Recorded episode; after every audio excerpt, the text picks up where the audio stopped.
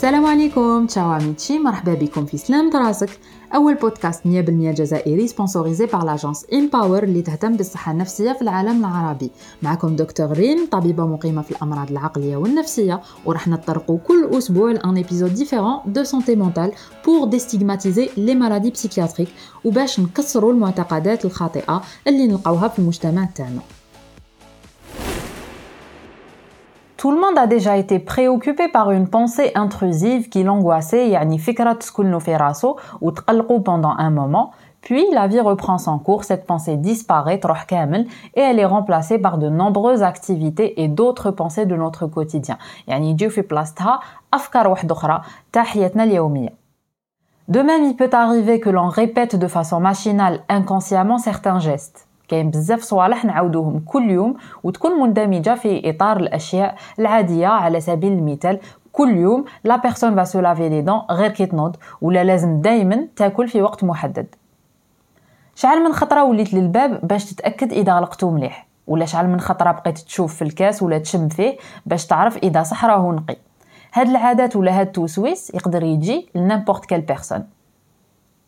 Ce sont des expériences normales هاد الاشياء طبيعيه لا طالما ما تعدتش على حياه الانسان اليوميه ولا ما خداتلوش بزاف وقت في نهارو Cependant, pour certains, ces idées et ces comportements peuvent prendre une ampleur démesurée et devenir très difficiles à gérer. Vous l'aurez compris في l'épisode تاع اليوم راح نهضروا على les TOC, troubles obsessionnels compulsifs ولا الوسواس القهري. Cette maladie provoque une grande détresse psychologique, توتر وقلق كبير, euh, elle fait perdre beaucoup de temps au cours de la journée يعني قادرة تسرق للإنسان ساعات طويلة من نهاره de même elle interfère avec la routine de vie de l'individu que ce soit sur le plan professionnel social ou familial يعني هذا المرض يعيق الحياة اليومية تاع الإنسان اللي يعاني منه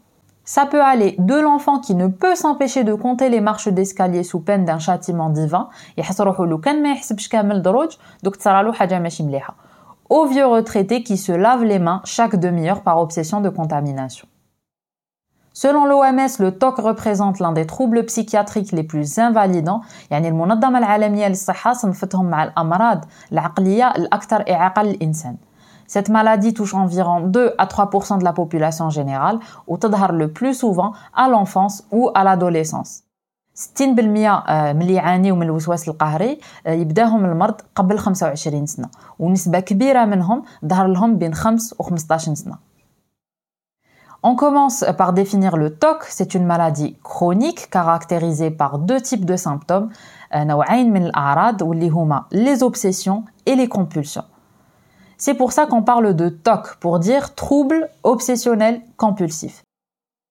Gros الوسواس القهري هو مرض يحبس الانسان في دائره الافكار والسلوكيات المتكرره يولي المريض متوتر ومقلق بزاف بسبب افكار تصاور ولا مخاوف متكرره وغير مرغوب فيها ما يقدرش يسيطر عليها هادو هما les obsessions ce sont des pensées des images mentales ou des impulsions répétitives non contrôlées non désirées et vécues comme intrusives et qui vont causer une grande anxiété chez la personne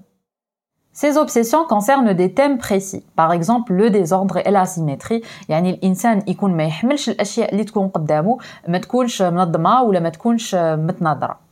la peur de la saleté et de la contamination وين يكون كاين خوف من التلوث la peur d'être responsable de catastrophes ou de la mort d'autrui c'est-à-dire الخوف من إيذاء الناس euh, la peur de dire ou de faire quelque chose d'immoral, d'agressif ou d'embarrassant. En effet, كاين li يخافوا يقولوا ولا يديروا حاجة غير مقبولة في المجتمع. On appelle ça la phobie d'impulsion. C'est une peur obsédante. كاين اللي يحسبوها داخلة مع les phobies. بصح non, c'est un type de TOC. وهاد لانكسيتي ولا القلق الناتج من هاد الافكار راح يدفع الانسان باش يؤدي بعض الطقوس ولا الاعمال المتكرره باش يقدر يتخلص منه هذا هو القهر ولا ce qu'on appelle les compulsions ce sont des rituels ou des actes physiques ou mentaux répétitifs et astreignants qui visent à diminuer l'anxiété causée par l'obsession parmi les types de compulsions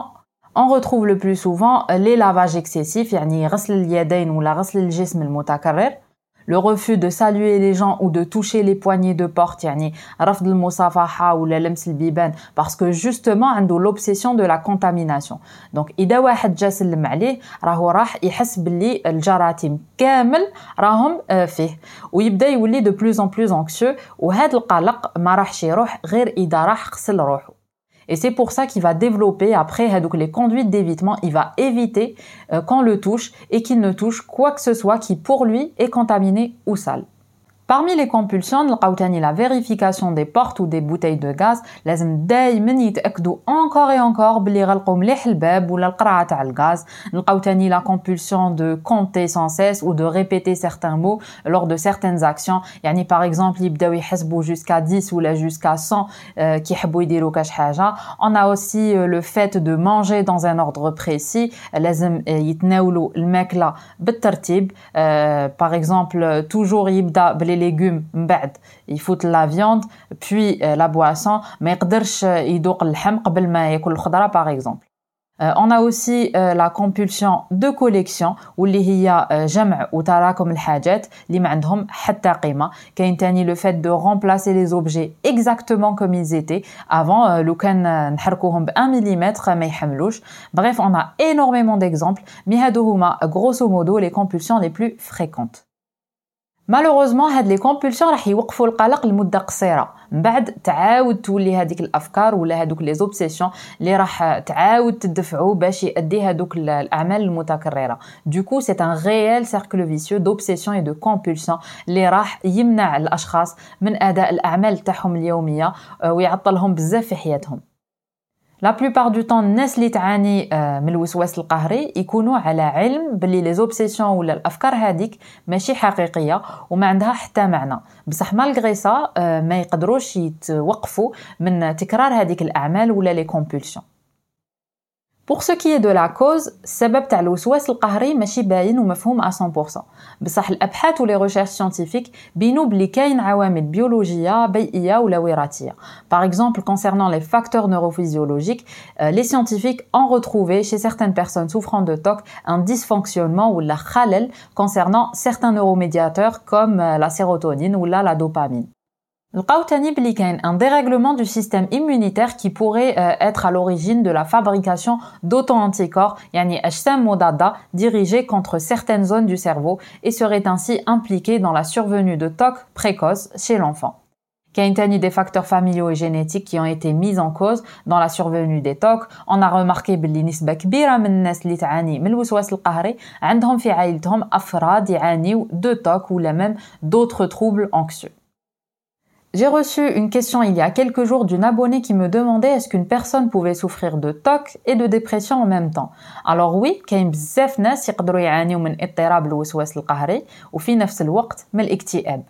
Pour être plus exact, environ 50 à 80% des personnes souffrant de TOC présentent une dépression associée. Ils ont souvent des pensées négatives, ils se sous-estiment énormément, donc par honte, ils vont essayer de le cacher, euh,